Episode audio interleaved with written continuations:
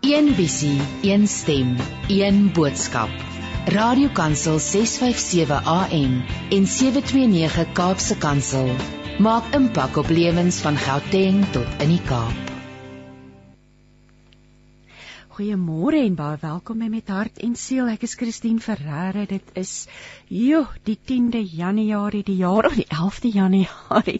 Die jaar is aan die gang. Môre begin die skole en ja, jene, ek hoop jy het heerlik gerus. Jy's veilig op die pad as jy dalk vandag vandag terugry na jou huis toe. En vandag kuier ons saam natuurlik hier op Radio Kansel van uh 9 tot 11, Radio Kansel 657 AM en Kaapse Kansel 729 AM. Nou vandag gesels ek met Susan Koetser oor haar nuwe dagstukkie boek 'n sonneblom vir elke dag. En dan gaan uh, Marinda Engelbreg met ons gesels oor haar jongste kookboek spesiaal vir kinders, Marinda se kinderkombuis, 'n uh, vreeslike vrolike oulike kookboek, kookboek met chef Sout en professor Pretzel wat saam met die kleingoed kook en dan gaan ons gesels ook met Amanda de Lange en sy gaan riglyne gee oor hoe die suur van die lewe van jaar in soet te omskep. So bly gerus ingeskakel vir sielskos en inspirasie. Jy kan natuurlik saamgesels. So stuur gerus vir ons 'n WhatsApp boodskap na 082 657 2729. Ek lees vir ons vandag voor uit Filippense 4 vers 4. 'n baie bekende stukkie skrif. Ek lees dit vir ons voor uit die boodskap en dit klink so. Uh, dit sê: "Julle hart behoort oor te loop van blydskap omdat julle aan die Here behoort." Ek sê weer, julle moet baie bly wees. Moenie vergeet om almal mooi te behandel nie.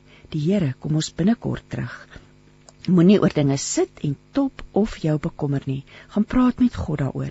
Bespreek dit met hom en vertel hom hoe jy daaroor voel.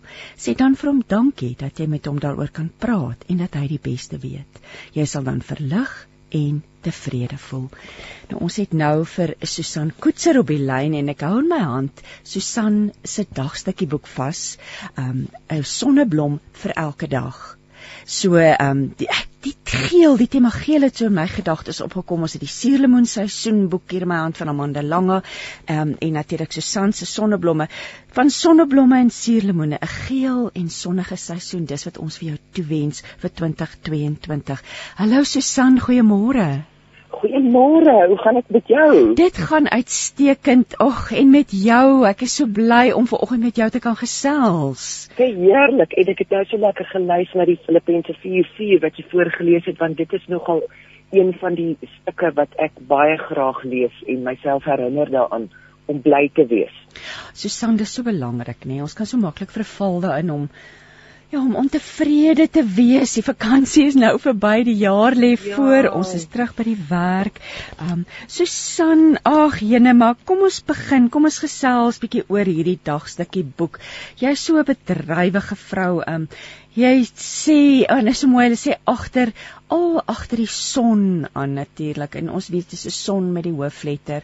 Jy sê die wêreld het meer sonneblom mense nodig, mense wat hulle koppe na die son toe draai. Vertel ons 'n bietjie oor die titel. Hoekom die sonneblom vir elke dag?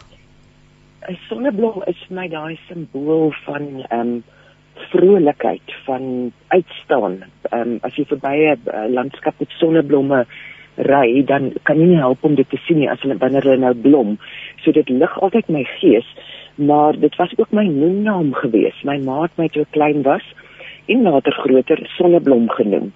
Ehm um, so dit was my baie mooi eh, troetelnaam.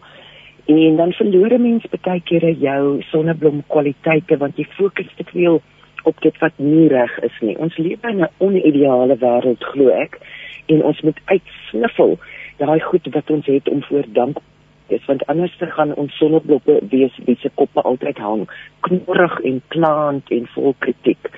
So ek weet daar is baie keer 'n groot traumatiese hoofstukke waardeur mense gaan en dit is dan juis ook waar ander sonneblommense daardie mense moeilike tyd gaan kan oplig en kan ophelp. En sonneblomme draai nogal na mekaar toe.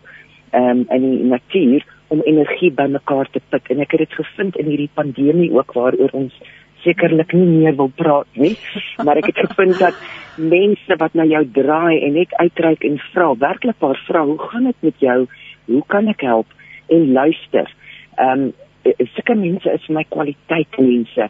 En daar's baie Christene. Ons is so ryk aan Christene en my roeping voel ek amper is om te probeer mense aanmoedig om daai lieflike kwaliteite van Jesus te bou, om dit vas te lê en nie net Christendom amper te dra soos 'n jappie wat jy aan en uit uittrek nie.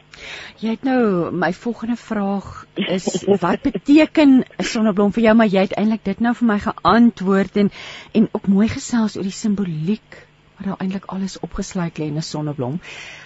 Ek weet daar's 'n skoonheidsproduk onder meer wat hulle die stammetjie van die sonneblom se se ekstrak gebruik vir verferming en teen verouderingskvaliteite ja. want juis omdat daai swaar sonneblomkop, weet jy al hang hy so swaar van die sade, kan hy nog steeds dit regkry en dit is hom eintlik net wonderlik hoe die Here die sonneblom gemaak het, nê? Hoe hierdie detail in die natuur. Is daar enigiets anders wat vir jou opkom as jy aan sonneblomme dink? Daar is verskriklik baie dinge toe ek nou 'n bietjie begin navors het ook. Ehm um, ons dink baie keer ook byvoorbeeld dit is een blom, die sonneblom maar dit bestaan uit klein klein blommetjies en vir my is dit ook 'n parallel met Christen gemeenskap want so baie kere het ons die neiging om as iemand nie presies soos jy glo of dink of doen nie of anders let dan um, skiet jy hulle amper af en ek dink dit is ons roeping as Christen mense nie. Ek dink ons is daar om broe na mekaar te wys uit te bou.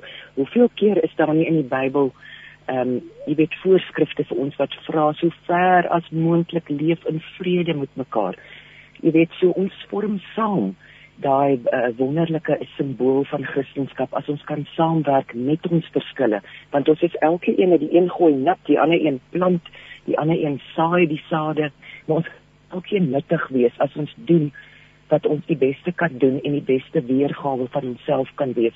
Ons is almal klein verskillende blommetjies en daar's nie net een groot sonneblom en dit is nou mens wat daar staan of aan die ander kant nie. Dit is vir my um, ons moet 'n poging aanwend om saam hierdie geel, vrolike, um, optimistiese mense te wees wat daai skappe, die vrug van die Gees uitleef en ook nuttig wees. Jy baie goed doen. Net 'n toebroodjie te smeer kan nie so nuttig wees ja. en om dit vir iemand te gee. En 'n uh, mens kan ook nie na 'n sonneblom kyk sonder om dat sonder dat dit jou opkikker nie en opvrolik nie. Nee dit is regtig waar. So 'n ja, positiewe uh beeld so positiewe iets ook. En so toeganklik vir ons almal nê. Dit mens sien dit ja. so oral sommer oral in die winkel of as jy nou in die platland bly in die veld en op die lande. Kom wil jy nie vir ons 'n stukkie dalk voorlees nie? Een van een van die een van die stukkies wat jou na in die hart lê daar's 'n hele klomp stukkies. 260 o, hier in my motor gelukkig het ek my brood gepak net om want my tuinier is ook hier en daar's hier dus so ek het 'n stil plekkie buite gevind maar ek gaan nou soek vir ietsie vir ons. Ehm um, ek weet daar's een wat ek nogal baie van hou. Een van hulle is ook leef met verwondering. Ehm um, kyk toe nie so by my. En ek sien dit is bladsy 24 ehm um, maar daar's ook 'n ander een ek weet nie of jy nou daar kan nou nou lees. Ek het bladsy ja. 24 'n tyd om te blom en 'n tyd om te rus. Ja. Dit, dit is baie baie belangrik nee ek dink vir die meeste van ons is die rustyd nou oor nou kom die blomtyd. Ja oh, met die vrug dra. ja, ja. is jy het jy hom gevind? Is jy op bladsy 24 ek ehm um, ek is op bladsy 24 gewees. Daar was eintlik 'n ander enetjie wat ek ook ehm um, ag daar so baie maar daar was een wat ek spesifiek ook van gehou het um, wat handel oor my klein seun wat so mm. opgewonde is oh, van daardie kwaliteit moet ons ook inoefen. Maar daar was 'n tyd in my lewe wat ek nie altyd so opgewonde was nie. Hierdie goed gebeur in my opinie nie sonder inoefening. Mens moet dit inoefen om met jy weet ja. verwondering te leef om met blydskap te leef om te leer glimlag as jy dan nie lekker voel nie en sê ek altyd sit dan maar net een tand uit op jou onderlip. Want al daai goed jy weet maak dit ons uh, mooier is ook en dit is is die die sonneblom wat vir ons leer. Dit is ook 'n skoonheidsproduk amper. Ek sal eerder baie kraaiploetjies byvoorbeeld hê soos ek ouer word as wat ek al hoe langer perde gesig kry want dit is 'n padkaart van my reis deur die lewe. En omdat ek lief is um, vir die Here wil ek baie graag soos hy lyk as 'n mens deur my karaktereienskappe. Ehm um, so dit is daai verwondering is ook vir my iets wat ek by my kleinseun geleer geleer het, maar kom ek kyk gou wat staan hier. Jy betrap my nou hier onkant. Maar ehm um, bladsy 24 leef met verwondering.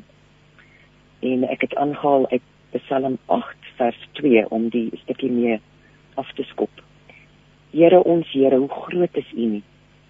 U word oor die hele aarde geprys. Alles wat U in die hemelruim gemaak het, vertel hoe groot U regtig is.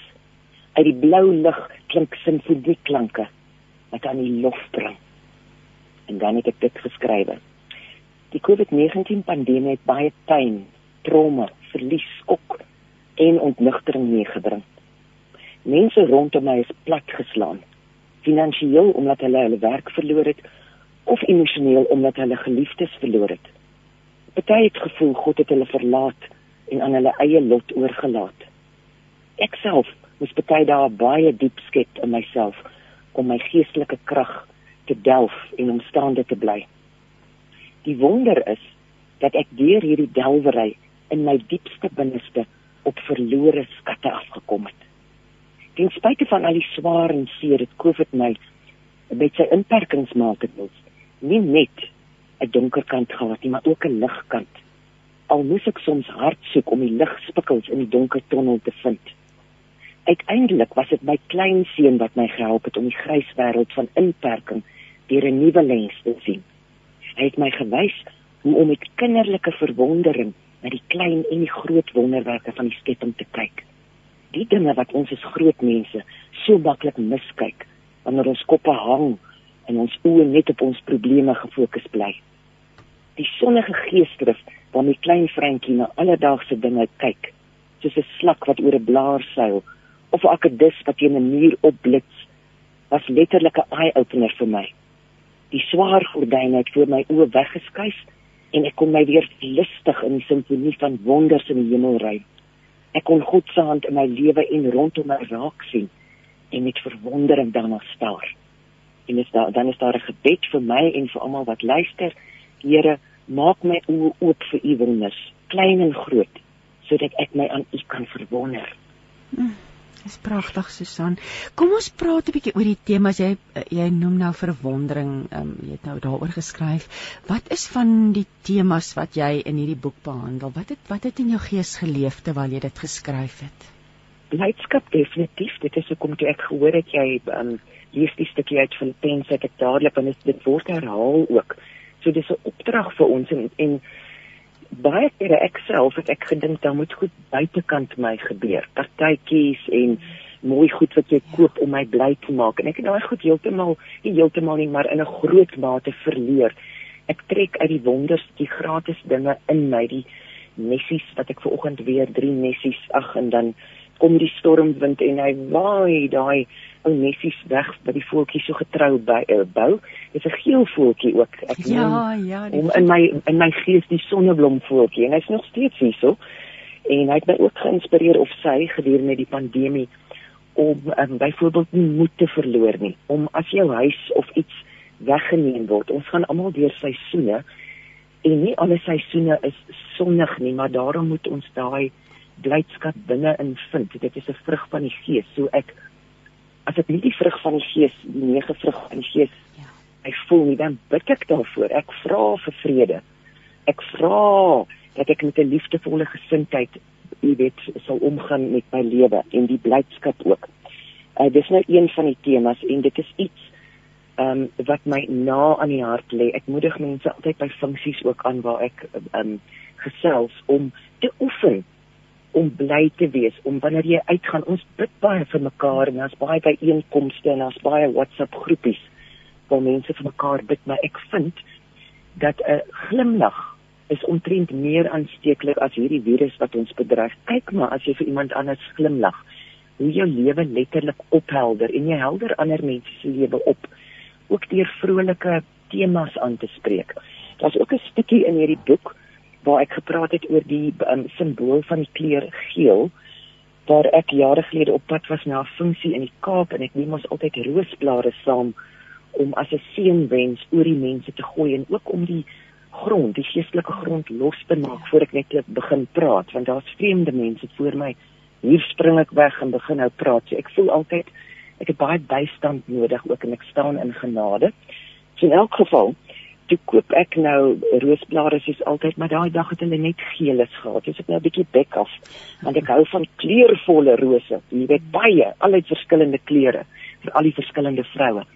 Maar toe lees ek 'n bietjie op en geel is die dit uh, soveel lieflike simboliese betekenisse ook. Een van hulle was die teenwoordigheid van God. Met ander woorde daai optimale optimistiese teenwoordigheid van God as God met jou is, dan lig hy jou gees. Ek het dit al hoeveel keer in my lewe beleef wanneer daai gees van God oor jou kom dat jy net opgelig word soos 'n geel kleur wat oor jou beweeg. Dit is blydskap, dit is ook die simboliese kleur is ook verhoudings met ander mense, goeie verhoudings. En dit is wat ek graag probeer doen ook Ehm um, mens kan nie met almal besties wees nie, sê ek altyd, maar jy kan met 'n vrolike, vredevolle gesindheid probeer en met emosionele intelligensie om verhoudings met baie uiteenlopende mense te kweek of ten minste uh, sodat jy gesprekke kan voer. En dit dis weer die spanpoging om as 'n een eenheid die groot sonneblom met al die verskillende blommetjies party meer konservatief, party meer uitgelaat, party ernstiger, party um, minder ernstig om net saam te werk om daai geur af te gee waar jy gaan die teenwoordigheid van God dat ons nie net akademiese Christene is nie maar dat ons dit begin leef dat ons prakties is en nog 'n stukkie hierso in weet ek het ek geskrywe oor my leerlinglisensie eh, vir my motor wat so maklik is was om te kry en toe ongelukkig was daar 'n blits gewees en moes ek in 'n later ouderdom weer die eksamen doen Ai, en die, die, die akademie was baie maklik. Ek het saam met my seun gehy kry. 100% ek het so 7 of 98 gekry. Die terg het hy te lekker. En ek wat toe nou al jare lank 'n lisensie het, moet waaragtig weer op die pad uitgaan en weer gaan toets. En hy kom die eerste keer weer, hy wat amper in 100 motors vasgery het en in die hekke op pad so toe. En ek kom nie deur nie want ek kon nie reg parkeer nie. So dit het my baie laat dink aan ons praktiese uh eksamen. Dis eintlik 'n eksamen, ons praktiese lewe, hoe ons uitgaan. En dit is vir my baie belangrik. Natuurlik maak ek ook foute en nie strap maar op mekaar se tone baie keer omdat ons verskillend is. Verskillende persepsies, verskillende bedradings, verskillende temperamente, style en so voort.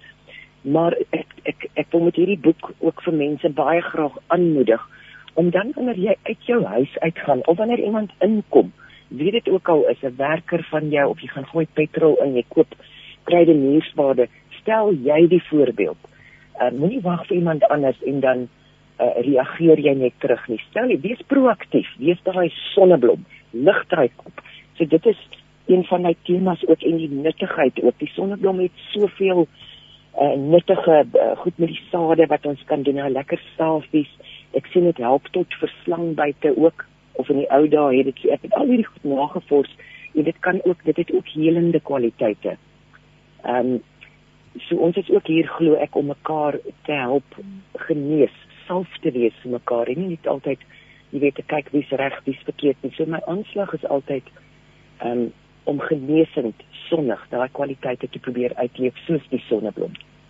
Kom ons praat 'n bietjie oor 'n uh, persoonlike transformasie want dit is my so 'n goue draad wat deur baie van jou skryfwerk loop dat ons met die heeltyd groei en verander en die sonneblom begin as 'n saadjie in die grond tot 'n sterk plant wat 'n blom dra.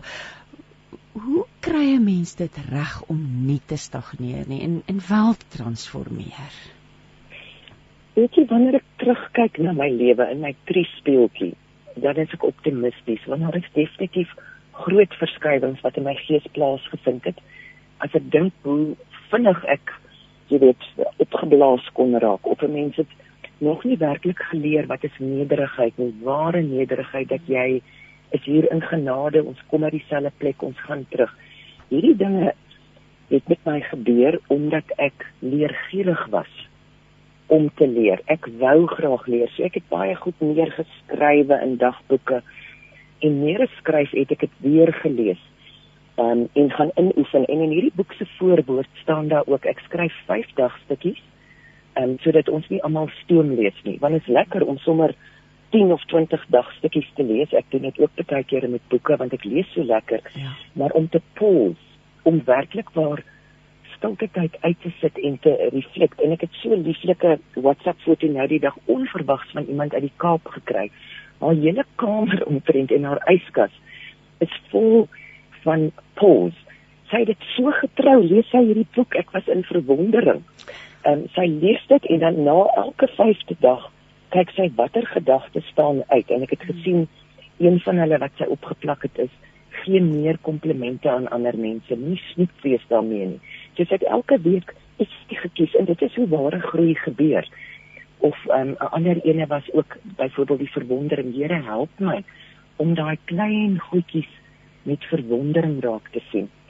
In my eie lewe het ek gevind dat ek nie sou groei as ek te besig is nie. Werklik waar nie. Ek kan nie hier tussen die telefoon en ek roer potte om en ek skryf gou 'n paar e-mails, dan boeke, dan gaan ek uit, dan sosialiseer ek. Ek moet werklik waar tyd afbaken. En die pandemie se tyd het my in 'n mate gedwing om nog stiller te raak. Ek kon nie um, die funksies en goed doen soos van ouds nie en ek het baie gereflekteer oor my eie lewe ook en om wanneer jy 'n fout maak dit raak sien. Ek dink dit is 'n skam om foute te maak om te fouteer of om flaps te maak nie. Solank as wat ons dit erken waar daar verskoning gevra word moet ons dit doen. En dit is maar vorme van nederigheid ook. Ek het ook al 'n retreat bygewoon daar by 'n gemeente in Mosambik Mosambik En ek weet jy hou ook baie keer 'n retreat daai. Dit vir my wonderlike kwaliteite. So ek bied ook nie te veel nie want anders is dit weer te veel. Maar ek bied so een of twee keer 'n jaar, ook verlede jaar twee aangebied. En is dan wanneer 'n mens stil raak en mense kom by mekaar as vroue en ons share ons lewens en ons deel die dinge waarmee ons sukkel. Ons is want ons moet ons broosheid ook wys as ons te veel maak asof alles is net goed dan stag is dit stagneer ons ook. So baie kere is alles nie so hankie dorie in my eie lewe nie. Ek erken dit ek wys my eie broosheid. En dan kan ek begin groei. So dit is maar 'n hele paar dinge maar dis die leergierigheid en die ander een is gehoorsaamheid om dit nie net by jou oor te laat ingaan by die ander een uit nie maar om dit in jou hart se kanaal te laat afgaan en dan 'n bietjie aantekeninge te maak 'n bietjie huiswerk. Is maar so skoolwerk ook op gym ons moet daai six packs bou. Hoorie, maar dis nou vir interessant. Ek kyk nou hierna en dis om vroeg in die boek, die 5de dagstukkie wat sê wat versper jou pad na die son. Dan sê jy deur sonneblomplante vas te bind sodat hulle nie kan beweeg of deur elke dag potplante om te dra sodat hulle op die verkeerde manier staan, het die navorser Atamian bewys dat hy plante se vermoë om die son op te spoor kon ontwrig. Sonneblomme met 'n pad oop na die son toe groei goed terwyl sonneblomme wat ingeperk word sodat hulle nie kan beweeg nie, se blommassa afneem en hulle blaar oppervlakte krimp. Sjoe, en dan gaan dit net nou aan eh, die die, die res van die dagstukkie, maar hierdie konsep van wat versper jou pad na die son? Ja, ja. Dis innerlike eh, eh, weet goed in jou eie lewe en natuurlik eksterne faktore. Kom ons praat 'n bietjie daaroor.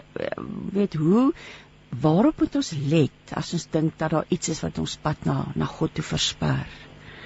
En in my eie lewe het ek gevind veral toe ek jonger was dat die plek waar ek vandaan kom, ehm die goed waardeur ek al was as 'n jong persoon, die huis van herkom, sekere dinge waardeur ek was, het ek met my oë die hele tyd agtertoe bly kyk, my geestelike oë en ek het geweldige fokus op hierdie dinge wat verkeerd was in my lewe. Ek was toe nou maar jonk, maar ek het soveel energie verloor. En om daai versperrings uit my pad te kry, het ek al die verkeerde paaie gevolg. In verkeerde plekke gesoek om beter te voel. So ek beveel altyd aan um, nie beveel aan nie, maar dit is iets wat vir my gehelp het. Dit is vir my 'n rigtingwyser na die son. Wanneer jy deur trauma gaan of dit nou verlies is van 'n geliefde, egskeiding, ehm um, finansiële verlies, emosionele verlies, depressie waaraan jy dalk ly, skete, goed wat jy nie verstaan nie, is om daardie goed te probeer uitsorteer saam met die Here en saam met 'n wyse beraader of iemand waarmee jy gemaklik voel. En wat baie kere pas ons ook aan ons kan amper onsself baie kere ook bind. Jy weet toue, my ou seentjie, my klein seentjie was die naweek hier so en toe bind hy homself so met van my toutjies waarmee ek plante oplei, sy handjies. En dis ek kan nie loskom nie. Dit moet ek hom nou losmaak as jy nou maar 'n speletjie gewees, maar ons is baie kere ons eie grootste vyande. En dit is maklik om van die paviljoen af te praat, maar omdat ek nou al 'n bietjie van die paviljoen af in die, op die veld gegaan het, kan ek werklik waar sê ek het eers geleer geleer dans in my gees toe ek vrygekom het van ou goed wat vir my my gees vertroebel het om die hele tyd te dink aan alles en almal wat my nou so naar behandel het. Ek moes dit laat gaan. Soos daai toue moes ek dit losmaak en ek self het vir 3 jaar ondersteuning van 'n terapeut gekry, nie elke week nie. Maar sy was ook baie oulik en het vir my ook gehelp om die pad na die son te, te vind en om verantwoordelikheid te, te neem vir my eie geluk. Ek glo dat in 'n verhouding met die Here moet ons ook opdaag om daai verhouding met hom te eer. Ek dink nie dit is my eie, ek sê dit altyd want ons verskil in opinies, maar dit is vir my belangrik om op te daag in 'n vennootskap om te luister wat die Here vir my wil sê, om stil genoeg te wees en dit staan net baie in die woord so en om dan gehoorsaam te wees.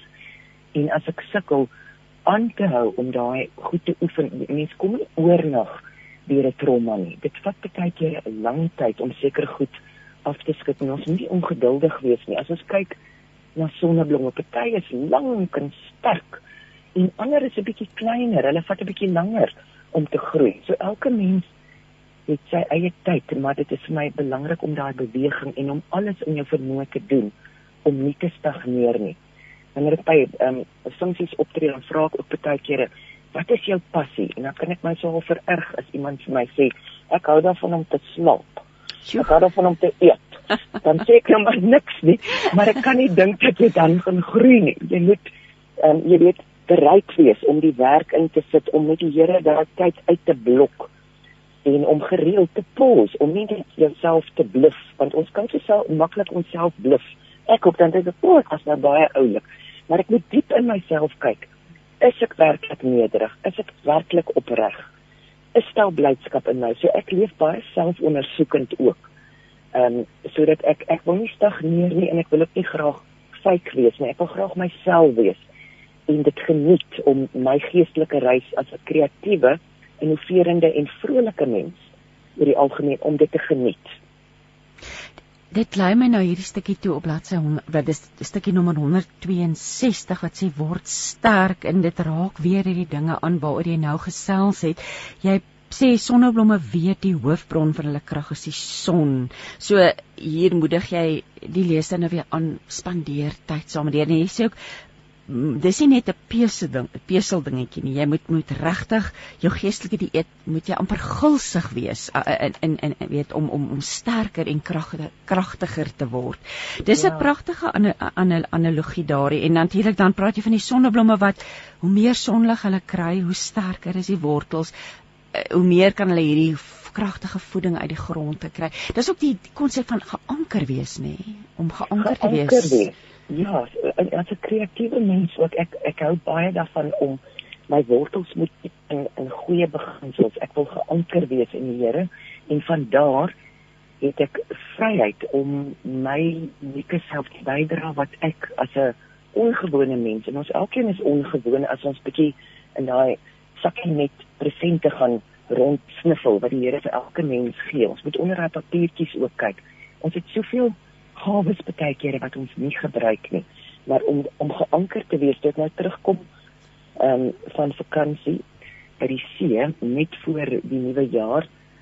Toe is daar nou weer 'n klomp klein jakkalse hier op my werf en groot jakkalse en ek voel toe onmiddellik, o, oh, my energie gaan en toe onmiddellik anker ek myself in die Here.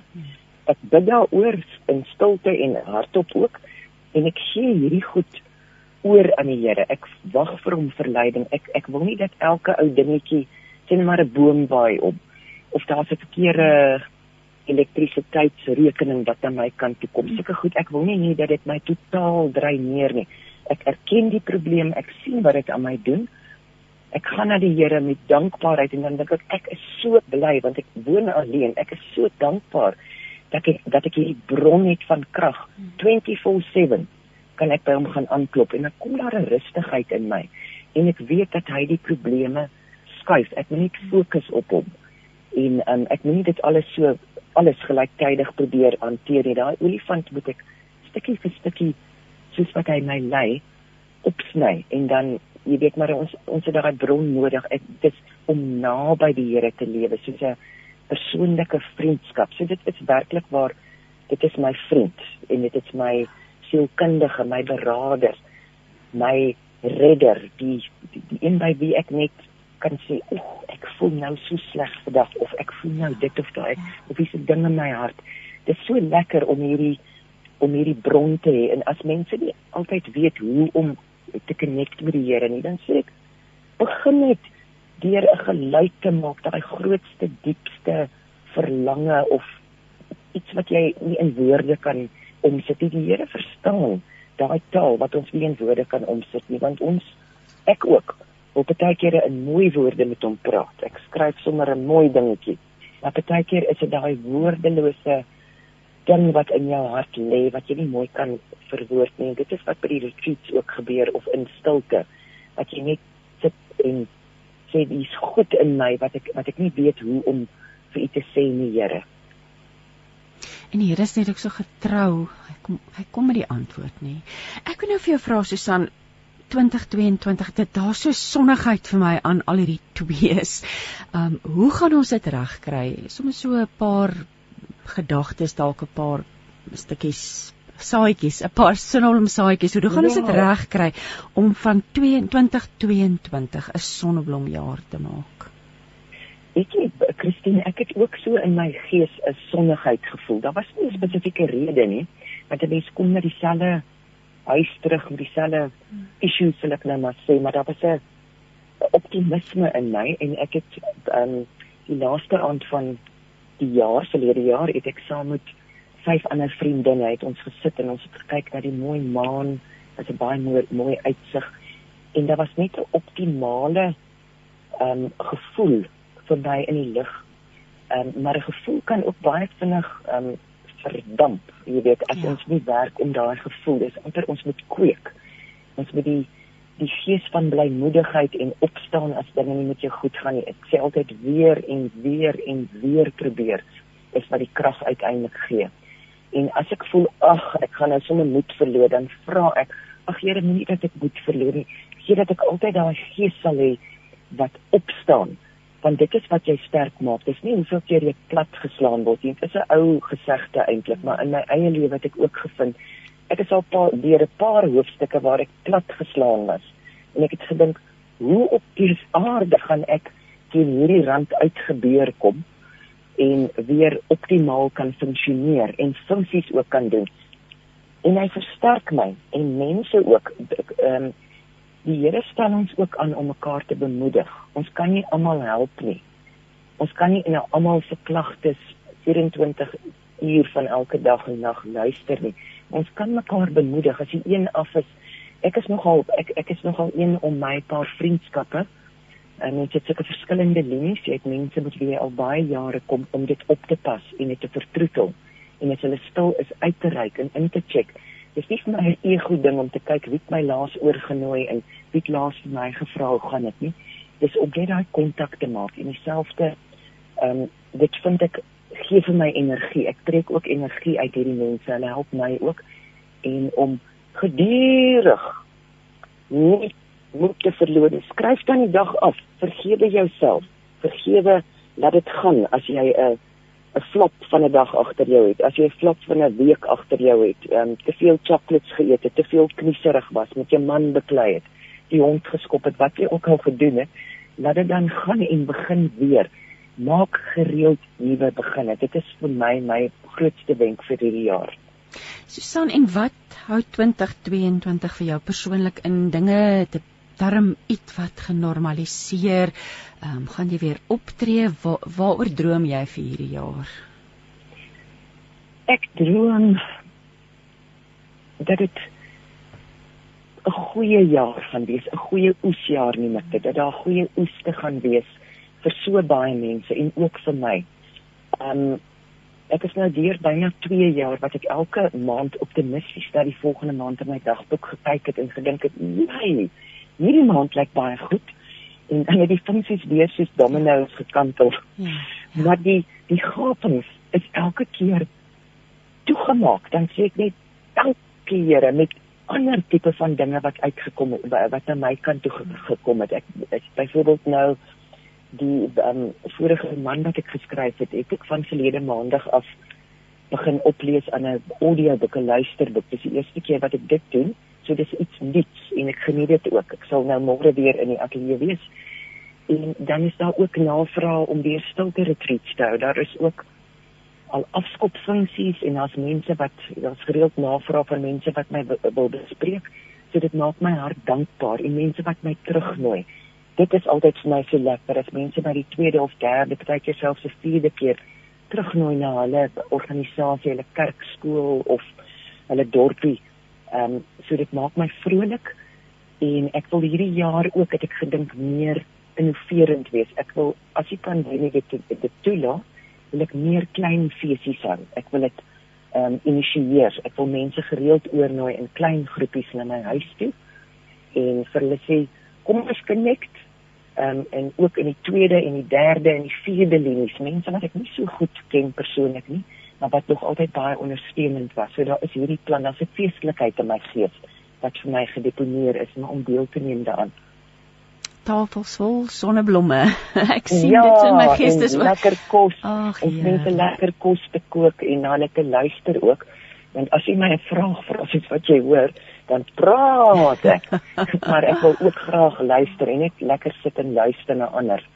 O, oh, Susan, en ek wil sommer nog 'n laaste vraag. Skilder jy nog? Ek skilder nog 'n bietjie. Dit is ook iets wat nogal ehm um, soos 'n craving, soos wat mense baie keer na sjokoladekoek of iets verlang. Ek stap deur die huis en dan kyk ek na my skilderye en dan dink ek en baie mense vra ook skilder jy nog? So dit is ook iets wat ek hierdie jaar wil doen. Nie so seer ehm um, as iets om vreeslik te bemark nie, maar iets wat ek nodig het. Dit is vir my lieflik om met verf te werk. Dit is vir my lieflik om mooi goed met hoop, 'n reënboog, 'n sonneblomveld met 'n kind wat hardloop en um, op by die see. Dit is vir my mooi. Dit maak my dit is, is gesond vir my gees en en om te kyk wat ek ook inlaat want ons moet ons hekke ook. Ekskuus, dit is nog iets my grense wil ek ook 'n bietjie en ek wat nou so sê ek wil mense uitnooi maar ek wil ook ja. hekwagters aanstel. Ek wil nie um, te veel dinge toelaat wat ek weet my gees vertroebel nie. En daarmee sê mense nou nie o, oh, môre as hier aankom moet net sonnig wees nie, maar sekere dinge en situasies het 'n negatiewe effek op 'n mens se gees. En mense moet behoedsaam wees wie jy baie na in jou hart toelaat in in jou spasie want dit het 'n effek op jou. So ek hou ek hou daarvan om ook mooi te kyk en te sien, o nee, wag, nou moet jy weer 'n hekwagter aanstel en net 'n bietjie kyk dat jy gesonde voedsel inneem. Hmm. Mooi konsep van die hekwagter, nê, nee, nou die grense nie. 'n Lewe van balans voel amper vir my kom in my gedagtes op en baie kan nie meer met jou saam. Ja, en dan hierdie optimisme dat ons regtig met met met 'n positiwiteit hierdie jaar benader en um, ja, 'n sonneblomjaar. So ek vir die wat nou net ingeskakel het, het nou gesels met Susan Koetser. Susan se dagstukkie boek is 'n sonneblom vir elke dag. Dit is 'n lekker konsep 260 dagstukkies so jy lees vir 5 dae en dan nooi Susan jou op om vir die uit om vir die volgende 2 dae langs jou sonneblombedding te sit en te reflekteer oor wat jy gelees het. En dan sê jy ook Susan probeer een nuwe gewoonte onthou en in jou gees vas lê. So dit is nogal ek hou van die tempo daarvan. Ek hou van die rustigheid om te gaan reflekteer en net deur te jaag en te lees en te vergeet nie. Susan, ek wens vir jou alles wat mooi is. Toe ek wil ook net noem die boek is uitgegee deur Lux Verbi, so hy is in boekwinkels landwyd beskikbaar. En ehm um, ja, jene, ek mag mag die boek van krag tot krag gaan Susan en mag ja, almal wat dit lees hierdie hierdie sonneblom tyd in hulle lewe beleef. Ag um, baie dankie Christine en ek wil sê die balans. Ons het nie daaroor gepraat nie. Ek ja. noem myself deesdae amper Susan Balans. Half myself en ek sê balans. Daar's balans in die ewewig, daar's balans ja. in God se skepping. En wanneer ons uit balans uitgaan, die extreme, ja. dit is wanneer ons ehm um, gevaar loop om nie in daai middel van sy plan te sit nie. Ek het dit al agtergekom in my eie lewe ook. So ek vra altyd dat hy in balans sit. Ja tyd om te blom en 'n tyd om te rus. Ons is weer terug ja. by daai stukkie.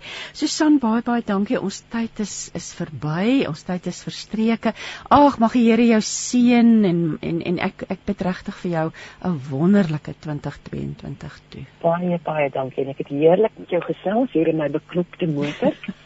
en mag jy ook van krag tot krag gaan en mense inspireer tot met jou program. Dankie Susan. Kom ons luister na Sumari wat gaan sing. Nothing is impossible possible. Een visie, een stem, een boodskap. Radiokansel 657 AM en 729 Kaapse Kansel maak impak op lewens van Gauteng tot in die Kaap. Geel, positiwiteit, vrolikheid, optimisme, dis alles deel van ons tema vandag en ek lees ook dat geel veronderstel is om ons konsentrasie te verbeter en ons metabolisme te versnel. Ek het hier voor my uh twee vrolike kosboeke, kookboeke, kosboeke. Die een is Marinda se koskas, uh die ander ene is Marinda se kinderkombuis, albei geskryf deur Marinda Engelbregt. Um sommer ja, lieflike vrolike boeke wat mense sommer lus maak vir die lewe. Môre Marinda. Môre Christine, gaan dit goed daar by jou? Ag, dit gaan baie goed, gaan dit met jou? Man, ek bly mos 'n yserfontein. So ons het sulke kristal mooi daai by die see in. Dit lyk of daar so absoluut kristalle op die see is vandag. So my hart jubel en juig. Ag, sing, soms maar ja, soms so sing van blydskap en mag ek vra as die vakansiegangers nou al op pad huis toe. Die stilte neergedaal by julle. Ja, maar weet jy ons verwelkom hulle hier. So dis vir ons altyd lekker om vir hulle by ons te hê. Maar dis soos my pa met die klein kinders altyd gesê het, is verskriklik lekker om te sien as hulle aankom en dit is verskriklik lekker om te sien as daai rooi kar liggies uitry by sy. nou dis presies so oor die vakansie gaan met, maar hulle begin nou uit te beweeg. Ja. Stadig, stadig maar seker maar Rinda. Hoor jy hierdie twee boeke, ek het jou nog nooit in persoon ontmoet nie, maar hierdie twee boeke en jou jy's ook jou jy jou foto self is ook op die boeke se omslag. Hierdie boeke sê net vir my jy dink en jy benader is, om of deur jou benadering is dat kos maak pret is. Is ek reg? Dit is die oomblik as kos maak vir jou werk raak. Dan vat jy die liefde uit die kos uit. Die dag as jy nie lus is vir kos maak, jy gaan koop dan maar nou ou gaar hoendertjie by jou plaaslike ja. kettingwinkel en sit vir haar 'n bietjie groen blaarslaai en rooi tomaties omdat sy ook vrolik raak maar kos maak is vir my 'n absolute liefdestaak. Dit kom so uit my hele hart uit as ek vir iemand kan kos maak. Ek wil nou vir jou vra, vertel ons 'n bietjie meer oor waar jou liefde vir kook en bak vandaan gekom het, so 'n bietjie van jouself, jou pad met kos, waar dit alles begin. Kos was altyd vir my deel van my lewe. Dit was nooit iets ek het snaakse kosse laat in my lewe ontdek want onthou ek het op 'n plaas groot geword wat dit rysvleis en aardappels en groente wat in seisoen is, het ons geëet. Ek het eers toe ek groot word besef maar daar is goed soos asperges en artichokes en sulke goed. Dit was glad nie deel van my grootword nie, maar dit was tog 'n geweldige lekker ontdekking. Ek het op 'n plaas buitekant Durbanville groot geword en kos maak was soos asemhaal vir ons. My ma was maar altyd besig om brood te knie en dan kom hierdie mooi groot bruin brode mm. uit die oond uit as staan hulle soos golden arrow busse opgelyn op die formica tafel. of daar was 'n pot konfyt my pa pars en daar's daar 'n pot druiwe konfyt op die stoof. So ek het groot geword met kos. Eers onder die tafel toe ons te klein was en dan kon ons die bakke daar sit en uitlê en toe later langs die tafel en my maat vir ons laat deelneem aan dit. So 'n kos maak was 'n deel van my DNA. Dit is vir my 'n manier om mense te troos as hulle hartseer is. Ek onthou my ma daai melkterte wat so uitgepop het in die kombuis in die enamelborde gevat het vir mense wat hartseer is of dis 'n manier om fees te vier. As 'n fees gevier is op die plaas het ons waterlemoene geslag en net absoluut vreugdes kos gemaak. So 'n kos maak was deel van my DNA en dit was net vir my natuurlik om daarmee aan te gaan. Dis nou vir my interessant dat jy sê jy jou ma het julle toegelaat om deel te neem eers onder die tafel toe langs die tafel. Ons gaan nou nou gesels. Ek wil ek wil gesels oor Marinda se koskas daardie ja. kookboek, maar dis dan vir my duidelik hoekom jy dan hierdie kookboek vir kinders geskryf het. Hoe? Want baie mense laat hulle kinders nie toe nie. Hulle is bang vir die skerp mes of om ja. weet die of die kombuis gaan vuil gesmeer word. Vertel vir ons net 'n bietjie oor hierdie hierdie benadering. Nou, hoe mense aan jou kind lei om ook te leer kook. Christine, ek is so opvoedkundige. Ek is 'n opgeleide onderwyseres. So diep het ek geskryf as 'n onderwyseres as 'n mamma wat kinders grootgemaak het en as 'n ouma wat nou die wonderlike vreugde het van klein kinders. So daar is 'n opvoedkundige benadering in hierdie boek ook. Ek het heeltyd storieetjies voor ingeskrywe, maar dan leer ek vir kinders speel, speel kook, maar hulle weet nie eers hulle leer bietjie wiskunde tussenin nie. Kom ons sny die broodjie in kwarte. Ja. Of hulle leer wetenskap. Kyk, dis milliliter of 'n vloeistof word 'n gas of ek doen kreatiwiteit met hulle. Hier is jou kolwyntjie. Versier dit nou vir mamma net soos jy dit wil versier. En uh, vir my is 'n kinderkoopboek 'n veld waar alles gelyk is. Of jy die hoogste intellek het en of jy gestrem is en of jy aandag afleibaar is, kook is 'n gelyke speelveld vir almal. Almal kan kook. En daai maatjie wat so 'n bietjie aandag afleibaar is, hy wil nie daai kombuis verlaat tot daai koekie uit die oond uitkom nie. En ek dink dit gee vir kinders selfvertroue. As jy van mamma in die oggend kan wys jy het vir haar soldaatjie eiertjies gemaak. Wie jy trots is daai kind. En die ander ding wat ek gewaar geneem het is kinders eet goed wat hulle nooit voorheen wou geëet het nie as hulle dit self gemaak het. Dit is eintlik so 'n slim plan want dis nou vir interessant jy het nou hier sulke gediggies tussen deur eintlik sulke rympies in wat jy praat oor die groente. Hier is die lekkerste resepte. Ek kyk nou na die visvingerpastei. Ja. Hoorie ek en jy sê niemand gaan glo jy het dit gemaak nie en ja, ja jy mag dit met tomatiesous eet. Ja. Lekker humor en vrolikheid en is my baie oulik jy waarskynlik duidelik op die agterblad. Hierdie kookboek is vir kinders en nie vir groot mense nie. Ja. Ag, ja. jo, ek dit is 'n lieflike boek en natuurlik sê jy die kinkel want jy help hulle dan ook om in die wiskunde die wetenskap lees en skryf. Jo, dis, en as jy um, kyk ek ek sien in die heel agterste gedeelte van die boek het ek 'n hele hoofstuk oor eksperimente moet goed wat jy in die kombuis kan doen.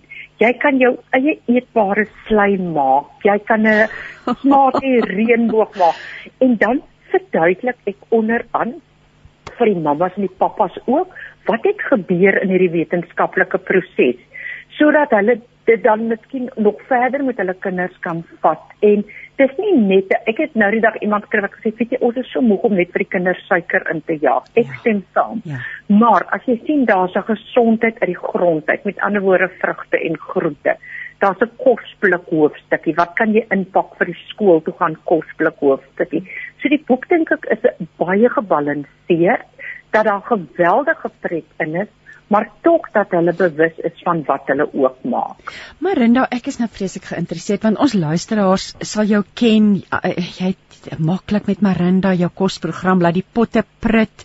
Ehm um, hoe het jy die wat hoe werk dit die kinderteaterproduksies wat jy gedoen het, TV-aanbieding, kos, hoe het die goed bymekaar uitgekom? Oud onderwyseres, vertel vir ons 'n bietjie meer. 'n Kos is voedsel vir die liggaam en teater is voedsel vir die siel. So ek het drama geswat met onderwys by. So drama of kinderteater of voedkundige teater is vir my geweldig na aan die hart. So teater was my eerste liefde. Kosmaak was maar altyd vir my daar. Ek het nie eens besef dit is dit is 'n iets nie.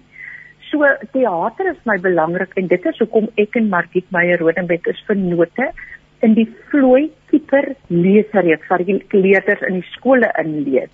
En vir 20 jaar al voer ons by Kunste Kaap Theater die vloei leesboekie wat die kinders in skole inlees op in die teater. So ons maak vir hulle dit wat hulle lees lewendig op die verhoog. en daar kom 15000 kinders in 'n maand ja. kyk dan na die busse kom aangery en uit dit uit hierdie Arabiere in uh, Qatar agtergekom maar ek doen opvoedkundige teater want hulle kinders lees ook die boekie. Dis 'n internasionale leesreeks. En wat daar uitgesprei het 8 jaar gelede is dat ek nou al vir 8 jaar so 6 keer 'n jaar Doha toe vlieg en vir die Arabiere kinderteater opvoedkundige kinderteater gaan doen. So dit is dit is nie so weet jy wat is dit Christine? As 'n mens buite jou gemaksone beweeg, as jy die stappie vat om buite jou gemaksone te beweeg, dan gaan daar eintlik vir jou 'n wêreld oop. Indien ek nie my voet in die kinderteater gaan sit het met 'n baie dapper hart, ek was bang, dan sou die ander goed nie gekom het nie. Indien ek nie vir my verkoppe deur gaan inskryf het 8 jaar gelede nie, waarvoor ek ook baie bang was. Sou die ander goed nie daar uitgevloei het nie. Wat 'n inspirasie. So, ja. My lese is een keer 'n maand moet jy iets doen wat vir jou so bietjie bang maak. Want vir my tussen 'n groef en 'n graf is daar geen verskil nie. Hmm. Dis 'n plek van gemak. Ja. Waar jy absoluut gemaklik verkeer. Daar's niks wat jou appelkarretjie omgooi nie, daar's niks wat vir jou uitdaag nie. Jy's gemaklik. Ek gaan so aan. Maar kom dit waarborg vir jou as jy een keer 'n maand iets doen wat vir jou net so 'n treetjie uit jou gemaksone uitvat, dan gaan daar vir jou hierdie jaar gaan jy groei. Hmm. Want vir elkeen van ons is 'n granietblok. En Michelangelo het gesê, "Het jy al jou beeld uit jou blok uitgekap ja. of staan jou blok nog net so voor jou?" So ek wil vir die luisteraars uitdaag om soos ek wat 'n gewone mamma is, 'n gewone ouma is, net iets te doen om te begin timmer aan die blok wat voor hulle staan. Marinda, jy inspireer. Weet jy, dis so lekker om om om die jaar of of ag af te skop met so 'n gesprek. Ek ek hierdie boek is teatraal. Ek's nou ek ek blaai nog steeds deur die kinderboek. Ek ja. weet kan dis 'n teatrale boek. Dis 'n hierdie is nie 'n boek wat geïgnoreer kan word nie. So ek wil regtig vir ouers aanmoedig, kyk uit vir hierdie boek gaan loer Marinda se kinderkombuis en hierdie eksperimente agterin is regtig waar die dit is te oulik die bonsende eier, die smaak die reënboog die eier val in die glas. So dit is werklik, ek dink jy leer kinders om so lief te word vir kos ook en en en en ja, hierdie die skepping en hoe dinge werk. Kom ons praat 'n bietjie oor Marinda se koskas want ja. hierdie is uh, Nathaniel het voorin geskrywe, ehm um, die, die pragtige Herman Lensing, die kosredakteur van Sari, ehm um, uh, skryf oor die boek. Hy sê vir Marinda is so lief soos vir my eie ma en aan haar tafel ja, eet ek kos wat smaak soos my ma se. Sy verstaan die waarde van goeie kos kos sonder om te veel te berlol met dit wat werk. Dit is erfeniskos nie waar nie. Vertel vir ons 'n bietjie meer oor Marinda se koskas en dalk 'n paar persoonlike gunsteling resepte wat jy vir ons kan uitlig. Kyk Marinda se koskas is kos wat in jou kombuis is. Ek wil net terloops vir jou sê, ek dink ek is die enigste skrywer wat twee boeke in 1 jaar uitgegee het wat so se koppie so raas om te waag om twee boeke in 1 jaar uit te gee. Maar Marinda se koskas is kos met word gemaak met goed wat in jou kas is. As jy nou eers moet aanlyn 'n blikkie of 'n pakkie gaan bestel, dat daai persoon al lankal belangstelling verloor daarin om enige iets te maak. En dit is kos wat vir ons terugvat na ons grootword jare toe. Dit is kos wat sê ek is hier, ek koester jou, ek vier fees met jou en dis 'n groot lekkerste op die lippe daai kos wat ek maak. Ek voel kos vir my sodra dit lyntjies en skynpies is dan moet ek nou nog by McDonald's om 'n burger te gaan koop. Verstaan jy? Dit is wat ek noem 'n duidelike kos. Dis kos wat jy wonder wat is dit nie. Weet jy nou wat dit somer is, is daar so lekker peer en blou kaas slaai wat ook sonder fiteriasies is. Maar dit is so lekker vars en as jy nie hou van blou kaas nie, man, dan sit jy vir jou ander kaas in. Want vir my is 'n resep 'n basis jy kan nou improviseer. Ek gee vir jou die riglyne. Jy improviseer met hom. En dan die ene wat ek nooit sal vergeet nie wat Herman absoluut vir hom dood gegril het toe hy dit gesien het, is op bladsy 76 die chipsoener. Hy het my gesê Marina, ek maak dit, maar ek kan nie dink dat dit na iets gaan smaak nie. Kan ek vir jou geheim vertel van al die resepte was dit die ene wat die hele kamera span en almal geëet het dat hulle nie kon ophou eet nie. Dit en dit is so lekker. Maar mag ons mag ons hierso sê en dit is nou seker eh, eh, vir die kospirituine is seker wat Herman wat gesê, dis nou die gaar hoender en dan die pakkaas en eie aartappelskyfies, die chippies, ehm um, gaar rys, hoendersoppoeier, melk en mayonnaise. So dit is dood eenvoudig. Almal het dit in hulle kaste. Ja. Um, ja. Ek sien nou ook hier 'n ander lekker resep raak, die hoendernekkies. Dit o, ja. dit is seker iets wat van die plaas afkom wat jy jy jou ma gemaak het. Dit is. Kan ek gou vir jou sê, uh, ek het dit my ma het gemaak en uh, watter bladsy is jy nou? Ek is op bladsy 83.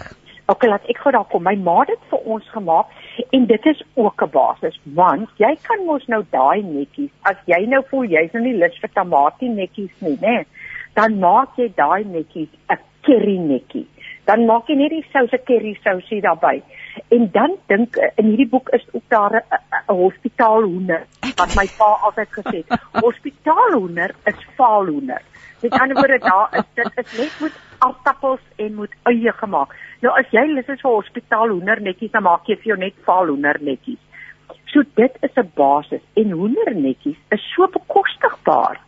Dis absoluut. Ek onthou as kind het ons almal die wensbeentjie in die hoender gesoek en ons almal my pa wou die hoender se stytjie geëet het. Ek het nooit van dit gehou nie. En dan het ons almal gestry oor die hoender se netjie. Want dit is so lekker. Waar koop 'n mens hoendernekkies by jou slagter? Want jy sien dit nie sommer in 'n kettingwinkel nie. Jy kry hulle. Daar waar die bevrore hoenderlewertjies is in daai Ja. bakkies, daar lê jou hoendernetjies ook. So jy kry dit, dit is vrylik beskikbaar. Ag, oh, Marinda, hoor jy inspireer my so vanoggend, maar ek wil nou ook iets aanhaal wat jy sê. Ehm um, jy sê dit wat op die tafel is moet nooit belangriker wees as hulle wat om die tafel sit nie. Ag, kom ons gesels oor hierdie pragtige stelling wat jy maak. Christine, is ons moet nou met mekaar eerlik wees. As jy nou weet jy kry mense nê, dan begin jy nou al vroegdag tafel dek want dit moet so mooi wees. En jy's so bekommerd oor hoe gaan dit smaak? Is die bakke mooi waarin ek dit sit? Wie gaan langs wie sit aan die tafel? Daai daai waaroor jy daaroor bekommerd is, is die minste waaroor jy moet bekommerd wees. Jy moet kyk hoe glimlag die mense om jou ta ta tafel. Hoe gelukkig is hulle om hul tafel. Mense sê altyd my, hulle is so bang om vir my te nooi. Ek sê nee man, gee my sit brood met smeltkaas op. Want vir my is dit die lekkerste die samesyn om die tafel. Die kos moet totaal geskik wees, ondergeskik wees aan die samesyn om die tafel. Dit is vir my hoe lekker kuier die mense. Ek bak baie kere brood. Dan maak ek 'n konfyt oop wat ek sommer in die supermark ook gekoop het as ek nie het nie. Ek sit 'n blok kaas aan neer met lekker botter en 'n glas wyn. Bietjie lekker kuier die mense. Ja. Min moeite. So hou op vir jou stres oor die moeite wat jy doen en hoe lyk wie en wat. Worry oor hoe lyk hulle wat om die tafel sit. Is hulle gelukkig? Hmm. Indien nie, skink nog 'n glas wyn en sorg dat jou mense gelukkig raak. Ja. Want weet jy dit ek dink ons het dit so gemis in hierdie tyd. Ons is nou darm so deur die inperking. Ons kon darm uh, ons mense kon mekaar sien Kersfees Ja. en dit was Ja. eintlik 'n baie beter Kersfees, maar jy's so reg oor Ja, mense so en ek kan dink mense is bekommerd om jou te ete te nooi om te sê wat weet ek steek af. So ons moet ons moet vergeet van dit. Ons moet Vergeet dit gaan dit. oor wat's in jou hart, nê. Nee. Ja, ja, ja. Ek, ag, ek het so baie vrae wat ek jou wil vra en ons tyd is min, maar ek wil nog 'n paar dingetjies vra oor die ko- twee kookboeke want e, e, e, jy het duidelike konsep. Dis verskriklik vrolik. Die stilering. Vertel vir ons 'n bietjie meer oor die skep van hierdie twee kookboeke. Ehm um, jy sê 2 in 1 jaar gewees? Ja, ek het my sinneloos gewerk, dit kan ek jou vertel. Vir my was dit dat die boeke moet nommer 1 jou oog vang op die rak. Dis hoekom ek in die helder kleure werk, want ek is 'n kleurvolle mens. Ek dra rooi lipstik, ek dra pink brille, ek dra groen brille. So vir my gaan dat kleur versinne beeld vrolikheid. Dit moet vir jou uitnooi, dit moet vir jou sê tel my op want dit wat in my is Hmm. is suiwer, suiwer vreugde wat uit my uit gaan straal. So dit is waar die kleur vandaan kom en ek het gesê ek het nou vir myself hier 'n lat geblik. Indien daar weer 'n kookboek uitkom, sal hy ook nou maar 'n oranje of 'n pers of 'n grasgroen moet hê. So kleur vir my as persoonlike mens is geweldig belangrik.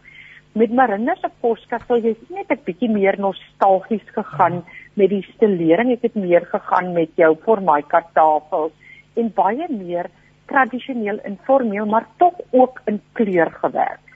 Met Marinda se kinderkombuis het ek voel uitgegaan op kleur. Ek het as jy die boek toemaak en jy kyk vir hom van die blaaikant af, sal jy self sien dat dit ja. in kleure gekodeer is. Met ander woorde, mamma kan sê, gaan na die pink bladsye toe. Gaan na die blou bladsye toe vir kinders wat nog nie kan regtig lees nie. En ek het gewerk veral met Marinda se kinderkombuis met uh, met Donna Lee wat die foto's geneem het. Sy doen al um 'n Taste Magazine, sy's 'n gerekende ja, fotograaf ja, ja. en dan het ek met Maggie gewerk wat 100% in my kop kon klim om die stilering te verstaan. So dit is vir my en ek sal met hierdie span van Marinda se kinderkombuis definitief aangaan ook na 'n volgende boek toe. So vir my is dit ek kan nie resepte skryf Christine, maar aan die einde van die dag is daar iemand met dit wat in my kop in is op papier te moes kon weergee. En ek is absoluut so geseën om met spanne te werk wat dit kon gedoen het. Ja. En ja, O nee, ek moet jou gelukwens. Dit is regtig pragtig. Dit is so eh, dit is so vrolik en net ek net absoluut 'n seën om daarna te kyk. Dit jy Ach, kan nie ja. in 'n slegte baie wees. Ek dink mense kan jy sê jy waarskynlik dis net vir kinders, maar ek is seker mense kan hierdie boek vir jouself. Dit is 'n lekker boek vir vir ouma om ook uit te kook, nê, as jy as die klein kinders kom kuier en jou geheim verstel. As jy nog 80 is en jy die kind in jou hart dan kan jy met die grootste liefde hierdie boek aanskaf. Ek dink eintlik op die oomblik is 40% van my mark wat op koop is die volwasse mark.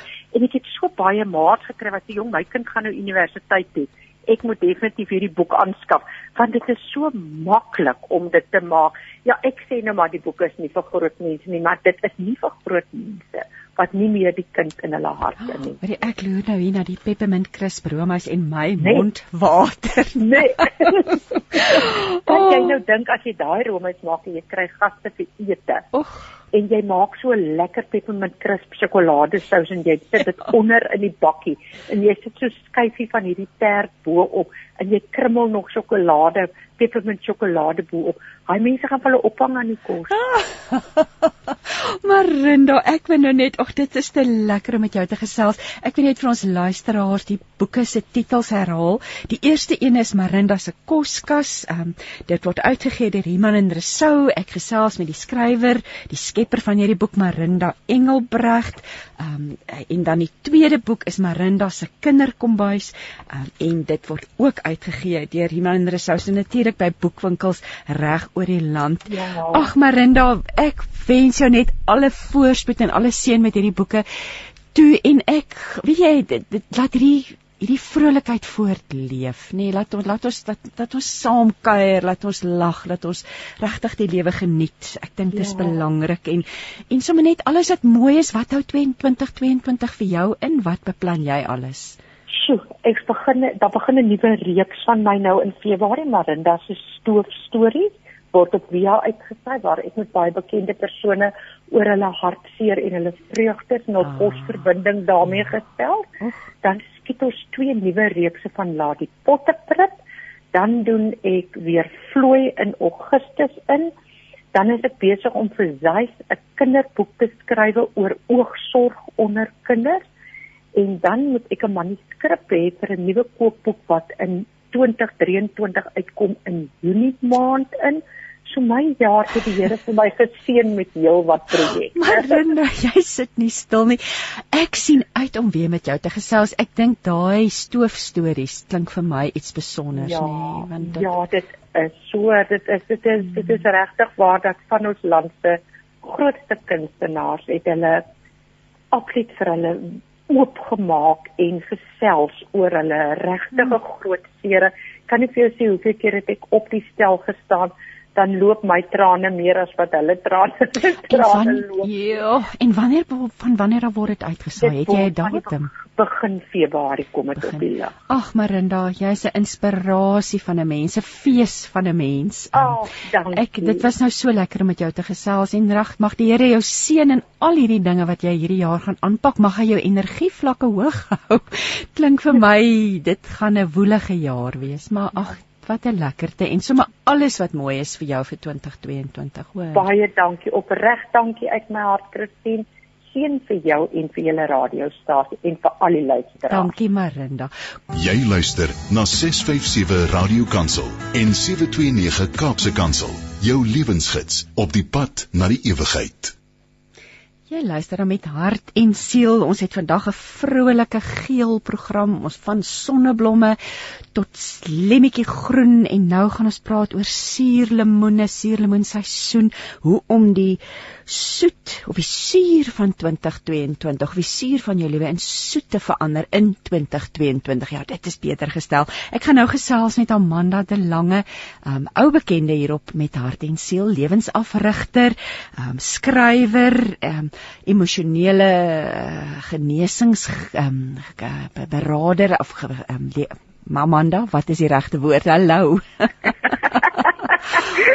kon nie help om 'n bietjie te sit en giggel terwyl jy my beskryf nie. Maar ja, ek is innerlike genesing, emosionele genesing is iets wat vir my baie belangrik is want ek het die waarde daarvan in my eie lewe gesien en die vrugte daarvan wat ek steeds sien.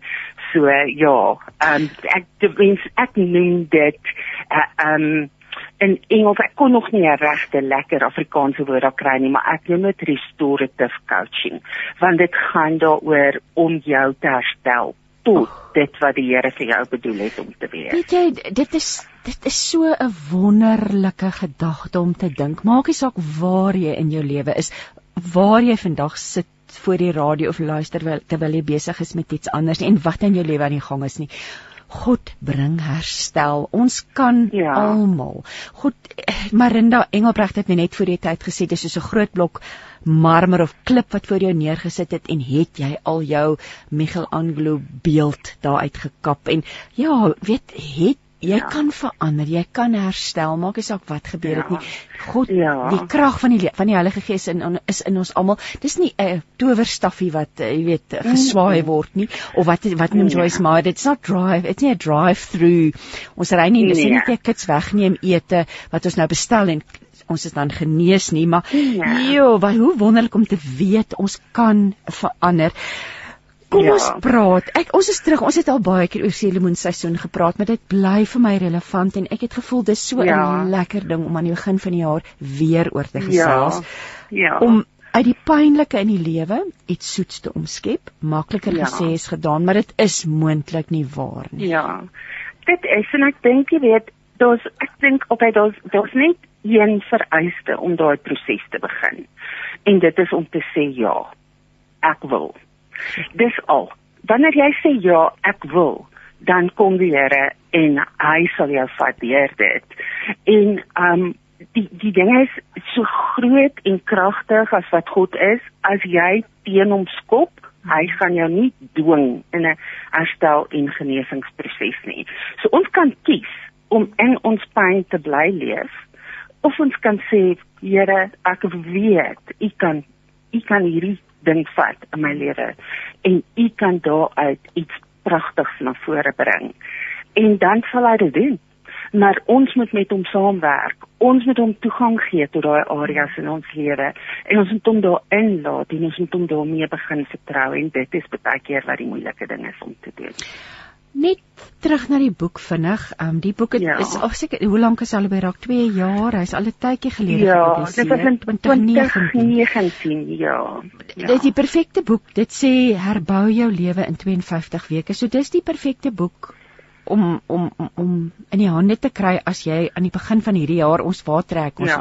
weet die ja. die jaar lê voor ons uit ek het vroeër ook gesê 2022 daar's so iets sonnigs daar's iets positiefs vir my mm. aan aan aan al daai twees aan net sommer ja die begin ja. van ons is deur 'n rowwe tyd um, dinge lyk anders ja. um, kom ons jy sê mens begin om te sê ja. So ja. ons staan ook maar aan die einde van 'n suurlemoenseisoen. Ons bid en glo en vertrou so dat dat hierdie ja. suurlemoenseisoen ook nou vir ons agter ons rug lê. So waar begin 'n mens boonbehalwe as jy ja sê? Hoe begin jy om hierdie verandering prakties toe te pas, Amanda? Wel, jy moet beweeg. Verandering is in sy essensie dui dit op beweging. Dit bewe dit dui nie op iets wat stagneer en stil staan nie. So jy moet verstaan dat as jy verandering in jou lewe wil innooi, moet jy bereid wees om te beweeg. En dit is nie noodwendig 'n fisieke ek gee tree in hierdie rigting nie. Dit kan daarna toe vorder, maar om die proses te begin, moet jy bereid wees om te sê, "Oké, okay, ek gaan van hierdie plek waarop is beweeg na daai plek toe. Ek is bereid om van hier af soontoe te gaan. Ek onthou baie jare gelede het ek vir die Here aanhou vra, wat is dit wat maak dat 'n mens verander? Wat is daai ding want ek het soveel keer gevind dat ek sukkel. Ek sukkel om daai ding te kry wat my motiveer om die verandering aan te bring. En ek sal nooit vergeet nie dis nog steeds soos 'n foto in my brein presies waar ek was waar ek op pad was. Toe hy vir my die antwoord gegee het en hy vir my gesê jy begin verander wanneer jy banger is om te bly waar jy is as wat jy is om te gaan na waar toe ek jou wil vat. Ja So wanneer dit jou erger raak, so erg en pynlik en ongemaklik raak waar jy is, dat jy dink ek is nou, ek sal nou enigiets anders probeer dan kom verandering. Maar natuurlik by gesê, dit hoef nie so te gebeur nie. Jy kan proaktief wees. Jy hoef nie te wag tot jy so desperaat is dat jy absoluut enigiets onder die son sal probeer net dat jou lewe anders moet wees as wat dit nou is nie. En ek is nie trots daarop om te sê nie, maar dit was nie Amanda daai. Ja. Amanda het gewoonlik gewag tot sy so desperaat was dat ek was, okay Here, ek sal nou enigiets, enigiets, enigiets, dit kan net nie bly soos dit is nie. Maar jy luisteraar, hoef nie Amanda se voorbeeld te volg nie. Jy kan proaktief wees en sê voor ek by daai punt uitkom, wil ek begin werk daaraan om my lewe te verander. Ja, en dis net hierdie ideaal en almal kry daar die Heilige Gees waarsku ons. Ons weet ja. wat fout is, nee, ons weet. Ek het ver oggend gelees uit Job en en ek het daaraan gedink om dit ook voor te lees vandag maar waar ehm um, waar waar waar eh, Job se een vriend vir hom sê gee gaan hy gaan gee jou hart weer vir die Here gaan terug na God ja erken wat fout is in jou lewe vat die slegte goed weg uit jou lewe en dan sal jy veilig voel dan sal jy ja. jou kop kan oplig dan sal jy rustig kan slaap in die, so ons weet hierdie goed nê nee? en instinktief ja. weet ons daar's goed wat moet verander Ja, ons weet. Kom ons Maar partykeer is ons net om vinnig by dit ja. aan te voeg. Partykeer is ons bang vir dit wat die, uit die verandering kan volg. En as ons net ons kop rondom dit kan kry om te sê dat die Here is so goed en so getrou dat hy gaan my nie na meer pyn toelei nie. Nooit nie. As hy my roep om iets te verander, gaan hy my nie in in 'n ander pyn inlyn. Hy gaan my op 'n pad van genesing en herstel vat sodat ek vry en gesond kan word. Dis sy hart vir ons. Sy hart is nie om ons in dieper uh, droefheid te dompel nie. Ja. Dit dit bring groot troos nê om te weet ek ek moet verander maar God is daar en hy gaan my op hierdie pad lei. In in ja. jou boek en dis eintlik die stappe is sulke logiese stappe jy bring dit in verband met die suurlemoen en gebruik ja. die simbool en die simboliek rondom die die suurlemoen. Jy sê die eerste stap in hierdie proses van genesing is natuurlik reiniging. So ja. kom ons praat 'n bietjie oor reiniging. Wat is nodig? Wat moet ons weet daaroor?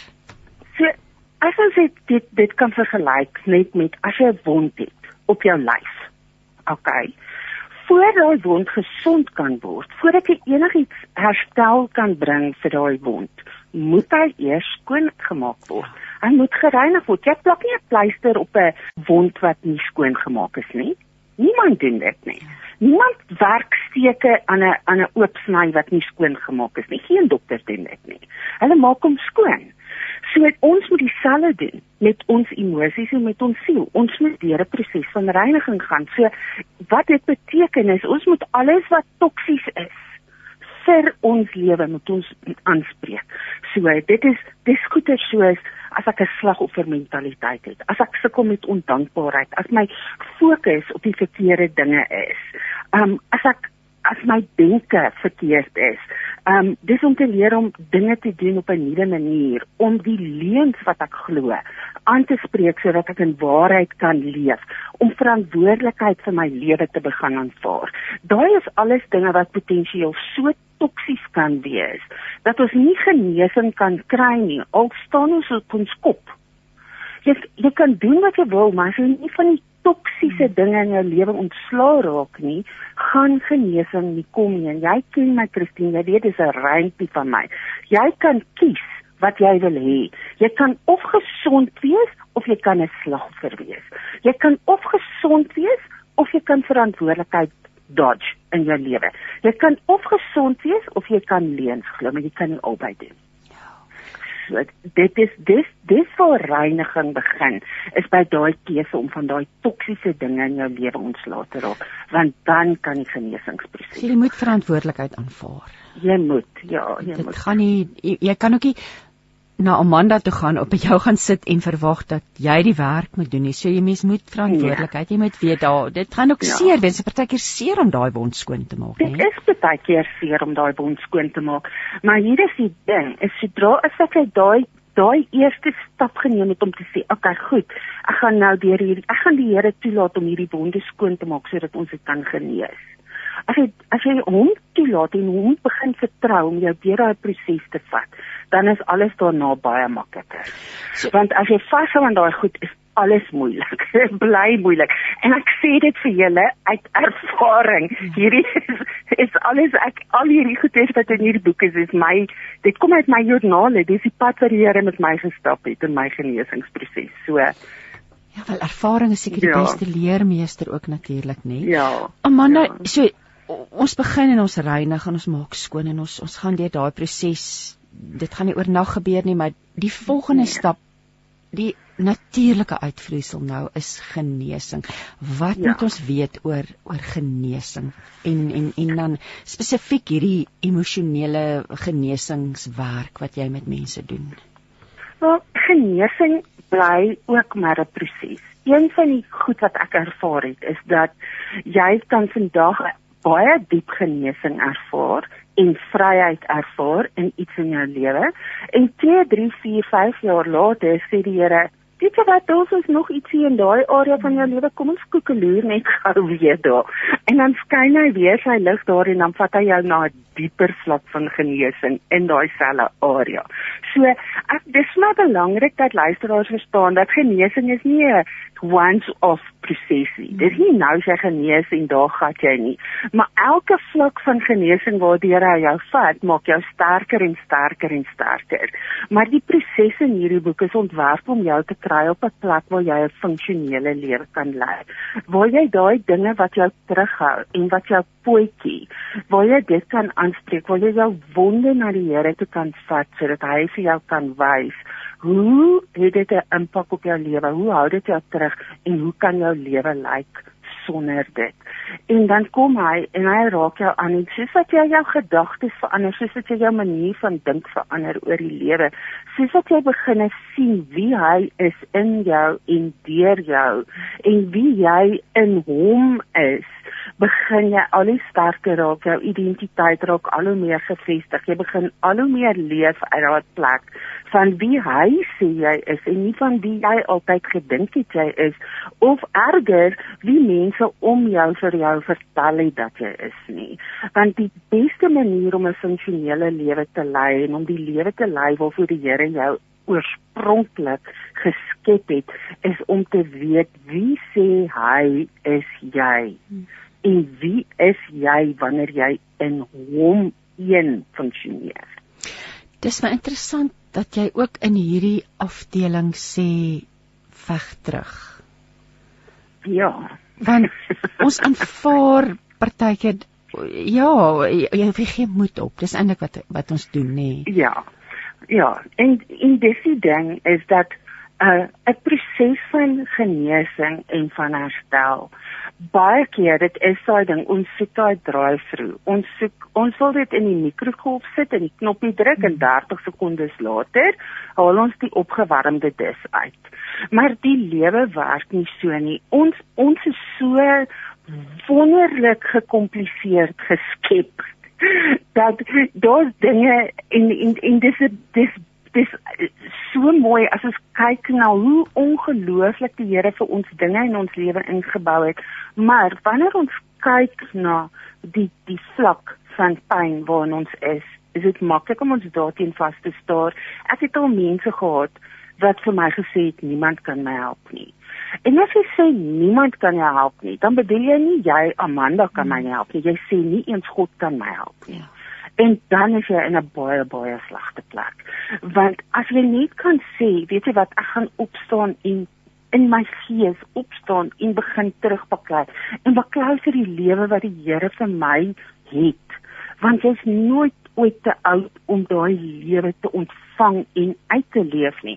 Ons is geleer en gekondisioneer dat ons lewe op 60, 65 verby is. Nou moet ons op die stoep sit en boeties brei vir ons kleinkinders. Dis nie wat die Here vir ons het nie. Dis nie wat hy vir ons beplan nie. Ons kan vrugbare, funksionele, produktiewe lewens lei vir jare. Ek ken mense in hulle 80s wat fikser en flinker is as ek sê ek tot my eie skande toe. Ja. So dit het alles te doen met jou ingesteldheid en met hoe jy kies om jou lewe te lei. So maak nie saak wat jou ouderdom vandag is nie. Of jy 20 is en of jy 80 is nie, dit maak nie saak nie. Die Here kan kom en jou lewe vir jou verander. Love het nou vir ons 'n WhatsApp gestuur. Hy sê môre ek moes inluister vandag. Ek het nodig om dit te hoor. Ek self gaan deur 'n moeilike tyd in my lewe. So, joh, want natuurlik die genesing kom soos jy gesê het, maar dan die daar kom weer nuwe vars moeilikheid het iemand al van gepraat nê nee? daar's nuwe ja. dinge wat kom nuwe uitdagings so ja. oh dit Amanda hierdie hierdie wil dan om te wil verander om te hoor wat sê God oor jou dit bring so as die genesing tye en jy lei die die leser van jou boek uh, deur hierdie tyd om by die punt van genesing te kom aan die hand van God se woord. Dan kom ons by die tyd van mooi maak en herstel want dis ook deel van die suurlemoen. Suurlemoen word gebruik in skoonheidsmiddels. Kom ons praat 'n ja. bietjie oor hoe vermooi ek my lewe. Wel, die belangrikste manier hoe jy jou lewe kan vermooi is om te begin om na jouself te kyk deur sy oë is om te begin om te verstaan wat sê hy is die waarheid oor jou en oor jou lewe.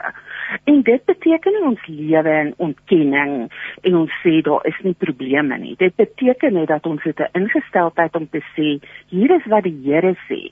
Dalk is hierdie wat my omstandighede sê en maar wat die Here sê is hierdie. So kom ek rig my fokus op hom en in daai proses van vermoëing dit is waar jy begin sê, "Oké, goed, ek begin luister en dit my eie maak. Wat sê die Here oor my? Wat is dit wat hy van my wil sê?" Nou, hier is die ding. Partykeer groot wonder laat letsels, nê. Nee. Ja. En en niemand verwag van jou om oornag daar goed reg te kom nie, maar dink aan hierdie proses soos daai roompies wat ons kry wat ons op ons letsels smeer letterlik op ons vel wat die letsels laat vervaag en weggaan. Hoe meer en meer jy jou identiteit begin vestig in God en in wat hy oor jou sê en in wat hy sê moontlik is vir jou en vir jou lewe, hoe mooier word alles om jou en hoe meer begin daai letsels vervaag. Hoe minder word jy amper gevange gehou deur die letsel op jou lewe en hoe meer begin jy vlegte ontvang om te kan vlieg ten spyte van die letsel. Hmm. Dit bring ons aan by die volgende afdeling is dan die soet, die geur of eerder die sout, die geur van die suurlemoen. Watter lesse wil jy vir ons hieroor leer? Wat moet ons leer oor die geur, die soutgeur van 'n suurlemoen? vir vir my gaan daai goeders die sout en die soet gaan vir my amper saam want dit is daai um, ek het dit gekry op grond van daai en dit is my so mooi in die Engels taste and see that the Lord is good. Jy weet, en dit is wanneer ons begin agterkom dat hierdie suur ding wat ek nou ontvang het, jy weet 'n lekker 'n sout dingetjie op sy tyd is baie lekker en 'n soet dingetjie op sy tyd is baie lekker. So hierdie is die herstelproses. Dis wanneer jy werklik begin leef vanuit daai plek waar jy sê, "Oké, okay, ek het dit seelemon, wat gaan ek vat en by hom voeg? Hoe gaan ek hom vat en hom vir my laat werk?" Hoe gaan ek lewe? Hoe gaan ek begin optree sodat ek nou blywende verandering in my lewe teweeg kan bring? Hoe gaan ek my gedagtes begin verskuif? So vir my was dit dat jy kom op 'n plek waar jy verstaan dat die lewe is nie iets wat met jou gebeur en jy's 'n willose slagoffer daarvan nie. Almal van ons kry klappe, almal van ons gaan deur moeilike goed, maar wanneer ons begin verstaan dat die lewe is iets wat ek doen in vennootskap met die Here. So ongeag van dit wat na my kant toe kom, as ek dit saam met hom aanpak, dan kan ek dit omskep in iets wat vir my sê taste and see that the Lord is good. En ek sê dit nie net sommer nie. Ek het weer eens opnuut aan die einde van die lewe, ag van van verlede jaar hierdie in my eie lewe ervaar waar ek deur iets gegaan het wat vir my so pynlik was dat ek wil ek het regtig ek het letterlik vir die Here gesê ek wil nou soos Enoch wees. Ek wil nou my voet vat van hierdie aarde af en ek wil 'n tree gee in die hemel in want ek wil nie meer hier wees nie. Dis nie vir my ek is ek is nie meer lekker nie. Kom ons eindig nou sommer net hierdie. Ek was nie ek ek was nie depressief ek was nie selfmoordpleging ek was nie dit moenie my verkeerd verstaan nie. Dis oorweldig ek was so oorweldig ek het so diep seer gehad ek wou dit net nie meer voel nie en wat die Here vir my gedoen het in daai tyd was om vir my te wys dat as ek weer beweeg na 'n plek waar ek 'n slagoffer is dan gee ek in die eerste plek hierdie ding wat in my lewe nou ingekom het mag oor my. Ek word daai ding so onderdaan.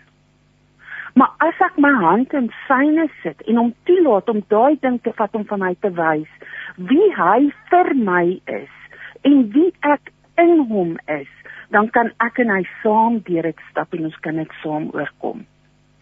En dit is waar jy dit is wat gebeur wanneer jy in daai plek kom waar jy kan sê dit wat sout is en dit wat of dit wat ek die suuremone wat ek het kan ek nou omskep saam met hom en iets wat vir my sê taste and see that the Lord is good.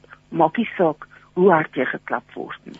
Dis my mooi jy sê ook in die boek in verskillende seisoene ervaar ons God se teenwoordigheid verskillend. Dis ook belangrik ja. om dit te weet, net dat jy sê soms is hy so tasbaar dat dit voel of ons net ons hand kan uitstrek en hom aanraak en ons ja. voel sy liefde en vrede. Ons hoor sy stem maar ander kere is hy soeke groter. Ehm um, so ja. dit dit is so belangrik om om om om te weet daar gaan soet daar wees, daar gaan daar wees dit bietjie meer buite, bietjie souter is. Maar ja. steeds hou ons aan om te beweeg, om vorentoe te beweeg, om om om om nuut te word, nê. Jy sê ook bietjie vir bietjie dat dat ja, deurbrake na langs sy suurlemoen seisoen eh, gebeur nie noodwendig 'n groot donderstorm nie, nê. Dis dalk 'n paar reendruppeltjies wat saggies ja. val. Ja. Mense wat nou luister en wat wat wat ja, net wonder, hoe gaan ek dit regkry? Amanda, kom ons praat 'n bietjie daaroor. Dit dit dit is dis nie onmoontlik nie, nee, maar wat is wat dink jy ja. sou die die wegspringplek, die vereistes wees wat mense moet ja sê. Kom ons som dit so 'n bietjie op. Hoe gaan ons hierdie soet, hierdie sout? Dis net om Ja, so dis net om heel eerlik te sê, okay, ja, goed Here, ek wil hierdie pad saam met jou stap. Hier is my hand, vat hom, kom ons stap saam hierdie pad en om te weet dat jy hom in dit kan vertrou. Dis die heel basiese ding. Die tweede ding is dat jy moet bereid wees om te laat gaan van sekere dinge. Jy moet bereid wees om dit neer te lê dat jy slagoffer was. En wanneer ek dit sê, is dit vir my altyd so belangrik dat mense verstaan dat ek probeer nie minimaliseer die trauma wat jy ervaar het nie. Mm. Ek probeer net om vir jou te sê dat jy kan kies om vas te hou aan hierdie trauma as 'n slagoffer vir die res van jou lewe en toe te laat dat dit oor jou regeer of om te sê ek gaan dit aan die Here oorhandig en ek gaan opstaan sodat hy van my 'n oorwinnaar kan maak in hierdie situasie.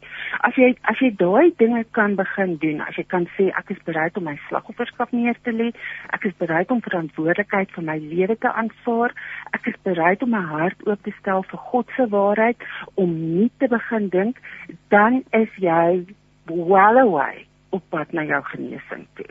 Maar daai is basiese dinge en slagofferskap is die een ding wat ek sien wat mense die meeste terughou. Van alles is dit die een ding wat mense potjie dat hulle nie dit kan regkry om op te hou om aan hulle self te dink as 'n slagoffer nie. Wat is die rede? Hoekom? Skus tog, hoekom dit, doen mense dit? Dit word 'n identiteit dit word vir baie mense identiteit. En dit gaan ook saam daarmee om verantwoordelikheid te aanvaar. Want wanneer jy 'n slagoffer is kan jy ander mense en dinge blameer vir dit wat jy ervaar. As jy jou slagofferskap neerlê dan moet jy self verantwoordelikheid begin as aanvaar. So daai twee goedjies is is is teenkante van dieselfde munt. As jy kan nie verantwoordelikheid vir jou lewe aanvaar en 'n slagoffer bly nie Net so kan jy nie 'n slagoffer bly en verantwoordelikheid vir jou lewe aanvaar nie. Dit is dis either or. Dis dis eintlik waarop dit neerkom.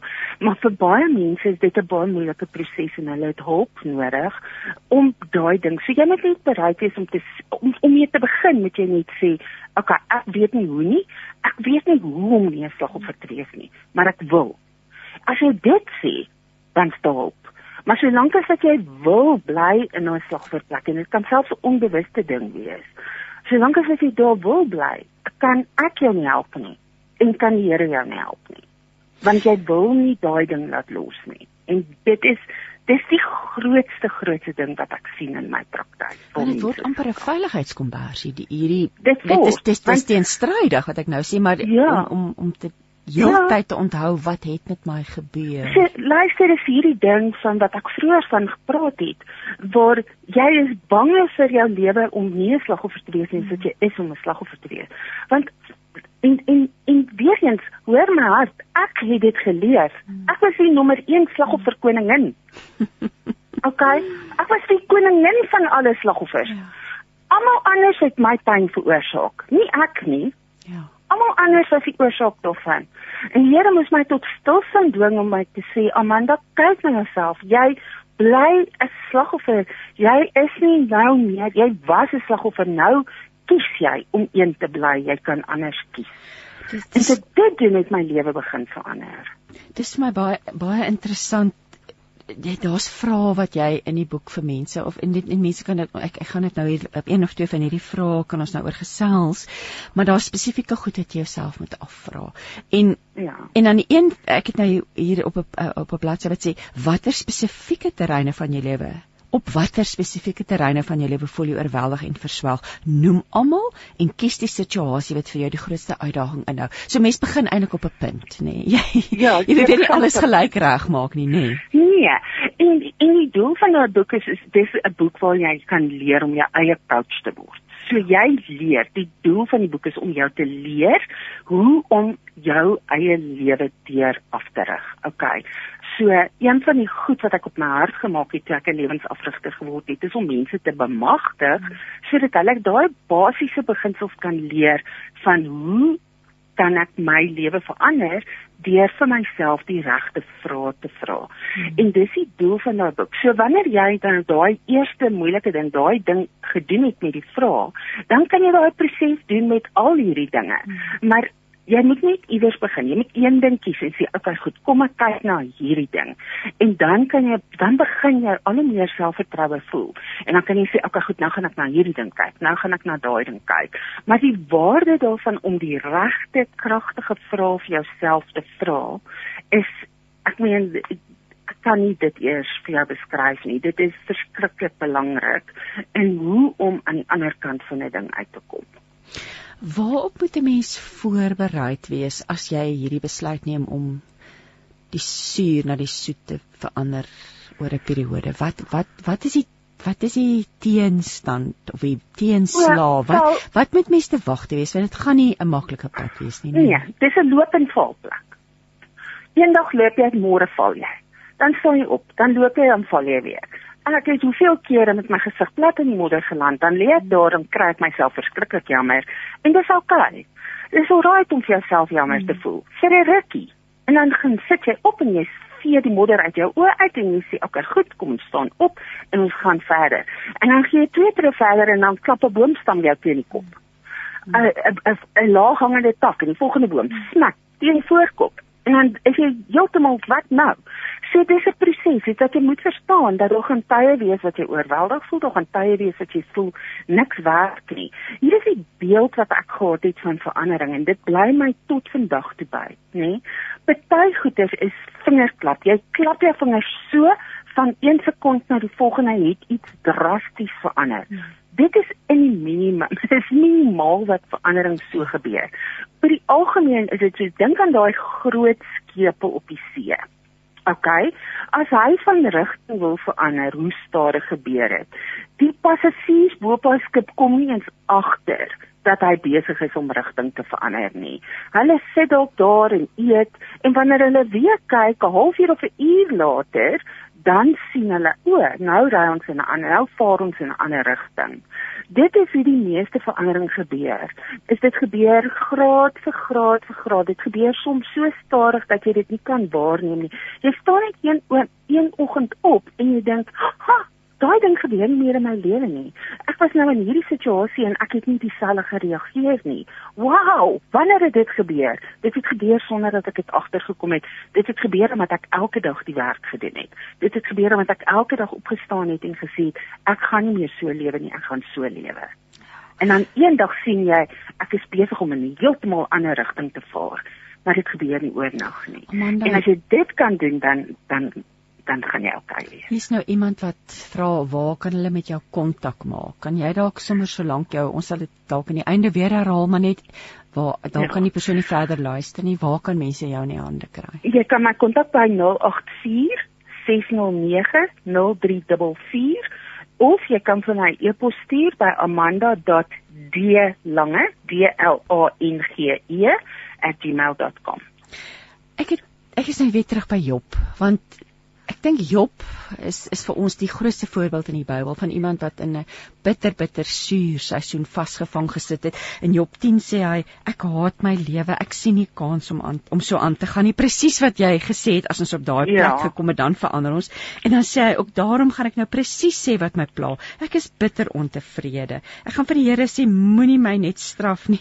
Dis dit is so hou dit aan en aan daarom interessant nê nee, hoe die hoe die hoe die Here soos jy ook dan reg vroeër gesê het gaan dan na die woord toe laat die woord jou Ja. lei um, om by die punt te kom waar jy hierdie genesingsproses kan Ja, reg en doen. weet jy het die vrymoedigheid om soos Job en gaan kyk hoe Dawid met die Here gepraat het. Gaan kyk hoe reguit en eerlik was Dawid. En hulle het vir hom reguit Dawid het soveel kere begin dan sê hy vir die Here dit en dit en dit en dit en al hierdie nee nee nee nee nee nee en dan gaan hy oor na dit en dan begin hy die Here loof die prys. Ons moet ek sê baie keer vir die Here, Here ek weet jy weet hierdie, maar laat ek dit nou nie sê. en, ja. en daai eerlikheid, rou eerlikheid teenoor hom. Hy waardeer dit, hy eer dit en hy respekteer dit. En dit is wat ons help. Ons kan nie dink ons kan goed in ons harte van hom af probeer wegsteek nie. Dit werk nie. Ons moet net dit na hom toe vat sodat hy dit kan transformeer. en jy sê dan ook tereg ons leef uit die waarheid van sy woord dat hy ons nooit alleen laat nie dat hy ons Ja. by die naam ken en deur moeilike tye dra dit Ja. is dit is seker die kern eintlik van alles nê Ja. Amanda, ons Ja. is ek sien dis 10:53. Jy het vir my 'n WhatsApp gestuur om te sê jy het 'n spesiale aanbod vir ons luisteraars. Wil jy nie Ja. vir ons 'n bietjie net meer daaroor vertel nie asseblief? OK, so ek het 'n pakket saamgestel van 6 aanlyn sessies vir die totale bedrag van R1250. Dis R208 per sessie. So dis meer as 75% afslag op my gewone tarief vir sessies. En dit is spesifiek om jou te help om te begin deur serum en seisoenwerk. Jy gaan my nie nodig hê vir al 52 sessies nie. Hierdie is soos 'n kickstart program. Dis om jou te help vir al die daai heel moeilike goeders die reinigingsproses is vir baie mense die heel moeilikste om deur te gaan. So hierdie is spesifiek om jou te help. Natuurlik is jy altyd welkom om later in die proses my te kontak as jy hulp nodig het en te kyk daarna. Maar dis om jou te leer hoe om daai ritme te kry sodat jy jouself kan afrig sodat jy op jou eie deur die boek kan werk en sodat jy jou lewe kan herbou in hierdie jaar want ek het vroeër dit gesê en is iets wat ek werklik ook sterk gevoel het die Here wys 2022 is 'n jaar vir herbou. Dis 'n jaar vir herstel. En um so ek wil baie graag daar wees vir mense om te kan sê luister, kom ek help jou aan die gang kom. Kom ek help jou om deur hierdie moeilike proses te kom van die van daai om ontslae te raak van die toksiese goed in jou hart. So, ehm um, Ja, so dis 6 sessies vir R1250. As jy nog nie my boek het nie, kan jy dit of by Luxwerdi, uh, Luxwerdi bestel. Ehm um, jy kan na boekwinkel toe gaan as hulle dit nie in voorraad het nie, kan jy hulle ook vra om dit vir jou te kry of as daar genoeg mense is wat dit wil hê, dan kan ek teen kosprys die boeke bestel en ek sal dit teen kosprys dis aflewering beskikbaar stel vir mense wat nog nie. Amanda, dit is so 'n vrygewige aanbod. Ek wil eh, vir jou dankie sê daarvoor en ek dink dit leef vir ons hart dat dat mense 'n goeie jaar moet hê, dat hulle positiewe jaar moet hê, dat hulle 'n soet jaar moet hê nê. Ek ek ja. wil net weer die kontakdetail herhaal. So as jy uh, meer wil weet oor hierdie van soet na suur in 2022 aanbod, kan jy 'n e-pos stuur aan amanda.d lange d sonder die e uh, @gmail.com of jy kan 'n WhatsApp stuur na 0846090344. Amanda, hier's ek het ook 'n paar uh, hier's 'n gebedsversoek of twee wat deurgekom het, mense wat vra dat ons asseblief vir hulle moet bid. Mag ek vir jou vra om vir ons vandag af te sluit met 'n gebed uh, vir 22 vir ons almal? Ja, natuurlik sal ek dankie Christine vir die voorreg ook om dit te kan doen. Baie dankie dat ek weer kon gesels en ja, net vir al die luisteraars ook net sê dat ek bid vir julle soveel heling toe in hierdie jaar. So Vader, ons bring net elke persoon wat vandag luister of wat ook later na die podcast sal luister na u, elkeen met 'n wond in hulle hart, elkeen met 'n saksuur en ons weet dat u die soetste soet uit die suurste suur kan bring. En ek vra dat u u hand sal sit op die harte wat vandag rou en seer is, op omstandighede wat moeilik is en dat u u self getrou sal bewys aan elkeen wat u soek. In Jesus naam bid ons dit. Amen. Amen. Hier's nou weer iemand wat vra vir die naam van die boek. Die boek se naam is Suurlemoen Seisoen Herbou jou lewe in 52 weke. Die skrywer is Amanda de Lange met wie ek nou net gesels het, uitgegee deur Lux Werby. Liewe luisteraar, ag, mag jy 'n wonderlike 2022 hê. Um, ek gaan afsluit met hierdie stukkie uit Job waar Sofar uh, vir Job antwoord en sê: "Job, jy moet jou houding teenoor God regkry. Steek jou hande na hom toe uit om te wys dat jy van hom afhanklik is. Hou op om verkeerde dinge te doen. Moenie verkeerde goed in jou huis toelaat nie. Dan sal sal jy weer jou kop kan optel sonder om skaam te wees. Jy kan sal veilig kan voel en weet jy hoef nie bang te wees nie. Jy sal van al jou swaar kry kan vergeet. Dit sal soos water wees wat verbyloop en nie weer terugkom nie. Jy sal daarvan vergeet. Dit sal met jou goed gaan. Jou lewe sal meer lig hê as die son wat in die middag skyn. En as daar donker tye in jou lewe kom, sal dit soos die lig wees. En omdat jy weet daar is hoop vir jou, sal jy moed hê vir die toekoms.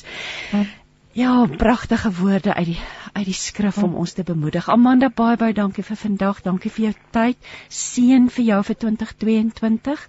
Mag die jaar soet wees.